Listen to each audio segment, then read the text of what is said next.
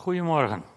Ik wil vandaag met jullie nadenken over het thema Gods werkwijze. Voor zover je Gods werkwijze vast kunt leggen natuurlijk.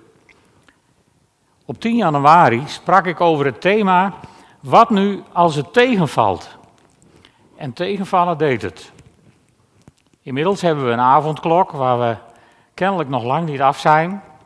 We hebben een lockdown tot tenminste begin maart. We hebben al twee keer code rood gehad.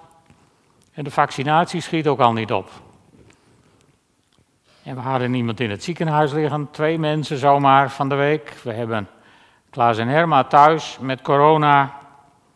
Ik heb een zoon en een schoondochter thuis met corona, niet bij mij thuis. Maak je niet ongerust, maar het komt zomaar dichterbij.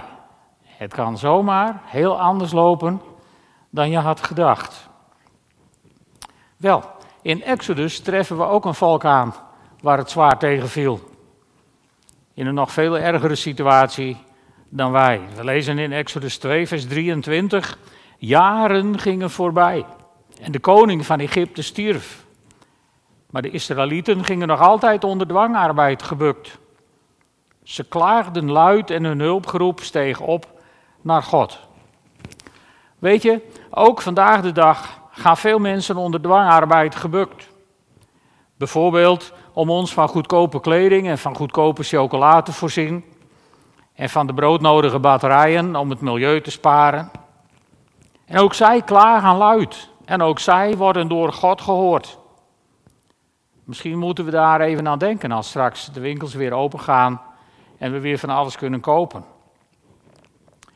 In het volgende hoofdstuk van Exodus komen we Mozes weer tegen. Ook voor hem moet het een tegenvaller geweest zijn.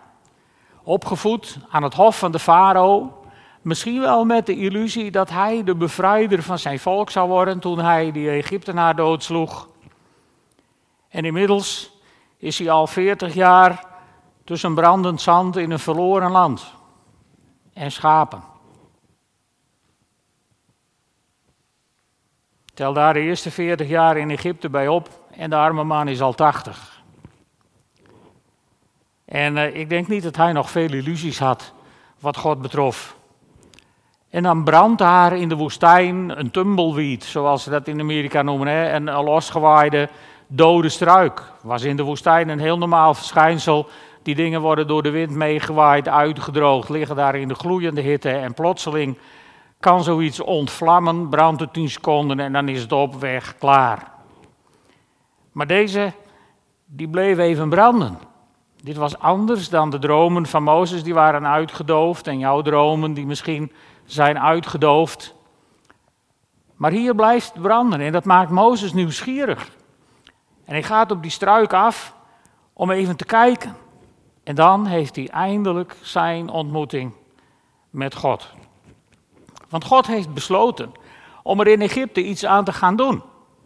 En daar spreekt hij over tegen Mozes. En we lezen in Exodus 7, eh, Exodus 3, vers 7 tot 10.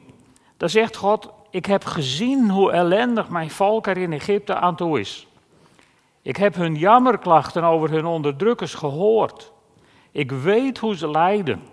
Daarom ben ik afgedaald om hen uit de macht van de Egyptenaren te bevrijden en om hen uit Egypte naar een mooi uitgestrekt land te brengen, een land dat overvloeit van melk en honing, het gebied van de Canaanieten, de Hethieten, Amorieten, Perizieten, Gewieten en Jebusieten. De jammerklacht van de Israëlieten is tot mij doorgedrongen. Ik heb gezien hoe wreed de Egyptenaren hen onderdrukken. En daarom stuur ik jou nu naar de farao. Jij moet mijn volk, de Israëlieten, uit Egypte wegleiden. En ik haal hier vijf punten uit. God ziet, God hoort, God weet, God komt en God stuurt. En ik wil die vijf punten kort belangs met jullie. En ik wil daarbij het thema van de tierkalender voor 40 dagen betrekken. En daarin gaat het ook over verschil maken. En de Bijbeltekst die voor de startdag op de tierkalender stond, komt uit Lucas 6, vers 12 en 13. En daar staat op een van die dagen trok Jezus zich terug op de berg om te bidden. De hele nacht bleef hij tot God bidden. En toen de dag aanbrak, riep hij de leerlingen bij zich en koos twaalf van hen uit die hij apostelen noemde.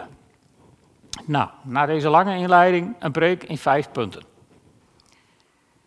En het eerste punt is dat God ziet. Ik ken drie personen die alles zien. De eerste twee hebben de irritante gewoonte alles in een boek te schrijven en tot je nadeel te bewaren. En dat zijn Sinterklaas en God. Wel, in de eerste geloof ik al lang niet meer en van die tweede ben ik er inmiddels achter dat het niet klopt. En dan is er nog een derde persoon die alles ziet, omdat ze ogen in haar achterhoofd lijkt te hebben. En dat is je moeder. Ja, maar God kijkt niet naar deze wereld om alles te onthouden en om ons te straffen. Wilma heeft die tekst al prachtig voorgelezen uit 2 Kronieken 16, vers 9. En, en ik lees hem jullie nog een keer voor, zoals hij in de oude NBG-vertaling stond. Want des Heren ogen gaan over de gehele aarde om krachtig bij te staan, wie hart volkomen naar hem uitgaat. Dus met andere woorden, God ziet als het tegenvalt. En hij ziet ook het onrecht op deze wereld. En hij ziet vanaf het begin de ellendige staat waarin de mens door de zondeval is terechtgekomen. God ziet. En God hoort.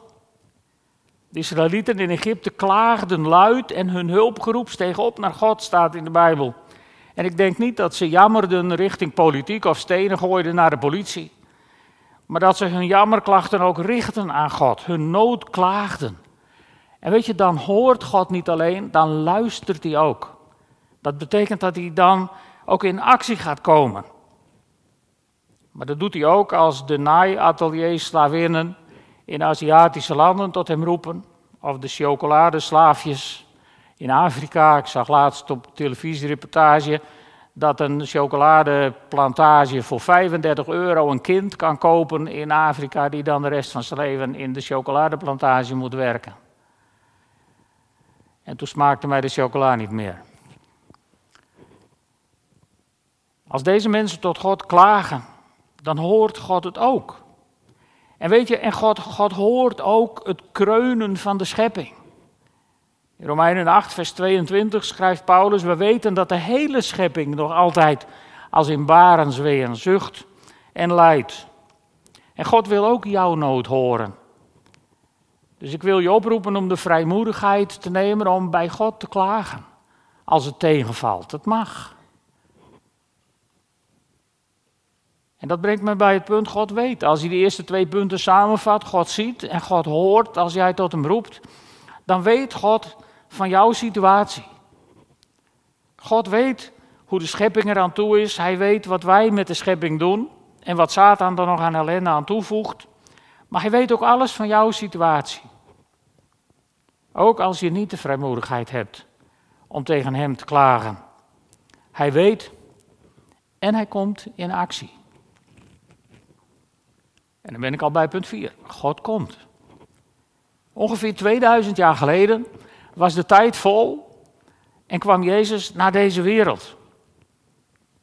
We lezen in Johannes 3, vers 17: God heeft zijn zoon niet naar deze wereld gestuurd om een oordeel over haar te vellen, maar om de wereld door hem te redden. En nu wordt het interessant. Want hoe denkt God dat aan te pakken? Wat is zijn werkwijze? Wel, God stuurt, heb ik gezegd, als vijfde punt. Tegen Mozes zegt hij in Exodus 3, vers 10, daarom stuur ik jou nu naar de farao. En, en ik denk dat Mozes daar heel happy mee is geweest. Stel je voor, dat gesprek, hè. Mozes heel opgetogen, God ziet, ja, mooi. En God hoort, ja, hartstikke mooi. En God weet, yes, geweldig. En God zegt, en, en nu kom ik er wat aan doen, yes. En dan zegt God tegen Mozes, en nu stuur ik jou. En Mozes, huh, mij? Ja, maar, maar, maar, maar ik, ik kom niet zo goed uit mijn woorden. En, en, ik ben een beetje onzeker. Hoe weet ik nou of de mensen mij geloven? En uiteindelijk zegt Mozes tegen God, in, om heel eerlijk te zijn, ik wil gewoon niet. En dan heeft Mozes een probleem. Want dan wordt God een beetje kribbig. En dan wordt God boos op hem. Dus God moet echt alles uit de kast halen om Mozes op pad te krijgen. Maar goed, Mozes gaat. Ik heb ook gezegd dat God vanaf de zondeval heeft gezien in wat voor ellendige situatie de wereld is beland. En daarom stuurde God zijn zoon. In Galaten 4, vers 4 zegt Paulus, toen de tijd gekomen was, zond God zijn zoon. En Jezus reageerde heel anders dan Mozes. Jezus had natuurlijk ook kunnen zeggen, nou, ik ben hier, ik, ik, ik, ben de zoon van de baas, ik ben, ben de, de troonopvolger, ik, ik, ben de, ik, ik ben de kroonprins, ik, ik, zit hier eigenlijk prima aan, de, aan uw rechterhand, hier op de troon, naar die wereld, maar daar ga ik niet naartoe. Alleen Jezus, die deed dat niet. Paulus die schrijft in Filippenzen 2, vers 6, alsof hij even in de hemel gekeken heeft. Hij die de gestalte van God had, hield zijn gelijkheid aan God niet vast, maar hij deed er afstand van. Hij nam de gestalte aan van een slaaf en hij werd gelijk aan een mens en als mens verschenen. Heeft hij zich vernederd en hij werd gehoorzaam tot de dood, de dood aan het kruis. Dus Jezus kwam naar deze wereld in gehoorzaamheid. Ook daar ging God wat doen aan onze situatie en hij stuurde zijn zoon. En zijn zoon kwam wat doen aan de situatie op deze wereld. Maar let op. We hebben gelezen die tekst dat Jezus op de berg de hele nacht aan het bidden was geweest. En na een nacht werkoverleg met zijn vader stelt hij twaalf apostelen aan. Dat klinkt heel leuk, maar uh, wij zeggen tegenwoordig what's in a name. Dat was in die tijd niet zo. Een naam of een titel, daar hingen consequenties aan. We lezen in vers 13, of we lazen in vers 13, toen de dag aanbrak, riep hij zijn leerlingen bij zich. Hij koos er twaalf uit die hij apostelen noemde. Dat lijkt een hele leuke, aardige titel, maar apostel komt van het Griekse woord apostello, wat gezonden betekent. Dus je bent mooi klaar met zo'n titel. Want dat betekent dat jij aan de beurt bent. Als God zegt, nu kom ik er wat aan doen op deze wereld, dan ben jij aan de beurt. Want dan zegt God, en nu stuur ik jou. En misschien denk je dan wel net als Mozes, mij? Hoe komt God erbij? Mij? Ik ben geen spreker, ik ben niet dit en ik ben niet dat. Ik, ik had vroeger ook allerhande uitvluchten. En, en als ik vroeger een spreekbeurs moest houden op school, dan stierf ik wel duizend keer in de week van tevoren. Maar God kan mensen veranderen.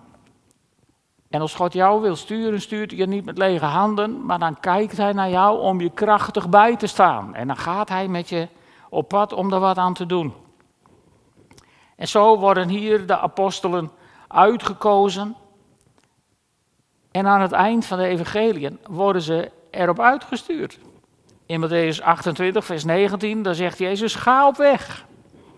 En Marcus 6, vers 15, daar zegt Jezus, trek heel de wereld rond. Dus de discipelen, de apostello, die worden, of de apostelen, die worden gestuurd. Ook zij worden gestuurd. Dus Gods werkwijze is, hij ziet en hij hoort, hij weet van de situatie op deze wereld. En hij gaat er wat aan doen, maar hij stuurt jou.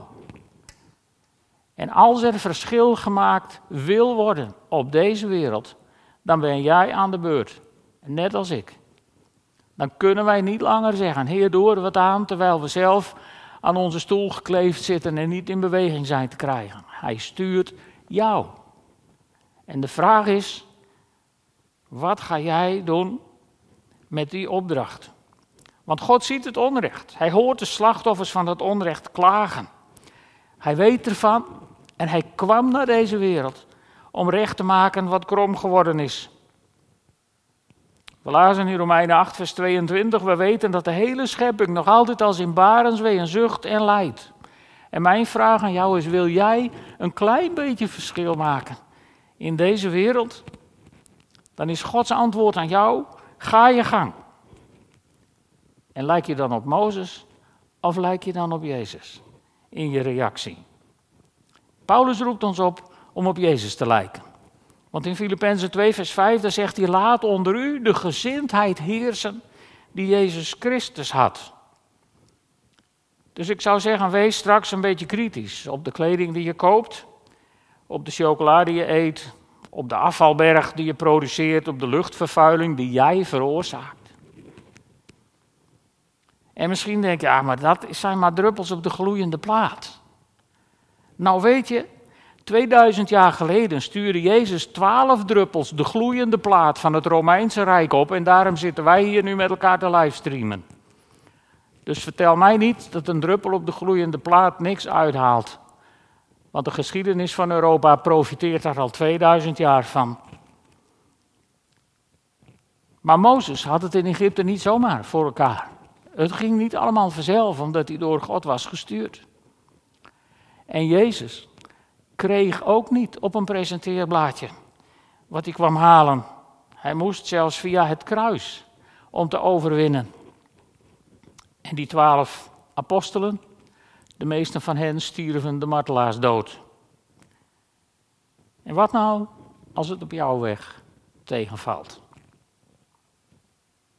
Dan wil ik je dit zeggen. Hou vol. Want jij en ik dienen een God die nooit loslaat wat zijn hand op deze wereld begon. En daarom eindig ik nog één keer met die tekst uit 2 Kronieken 16, vers 9. Want des Heeren ogen gaan over de gehele aarde om krachtig bij te staan, wie hart volkomen naar hem uitgaat. Zullen we samen bidden? Heere God, wat een fantastische wetenschap dat uw ogen over deze wereld gaan om krachtig bij te staan als wij ons hart op u richten. Hier, u komt niet zomaar een beetje helpen, u komt niet zomaar een tikje met ons meelopen, u komt krachtig bijstaan.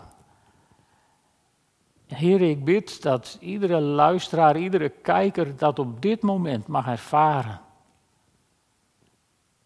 Heer, laat ons hart volstromen met die zekerheid. Dat we niet aan het lot zijn overgeleverd. En dat we niet het slachtoffer zijn van een virus, maar dat we kinderen zijn van de Allerhoogste God, die met ons optrekt en ons krachtig bijstaat. Heer, vul onze harten met dat geloof. Ik dank u daarvoor in Jezus' naam. Amen.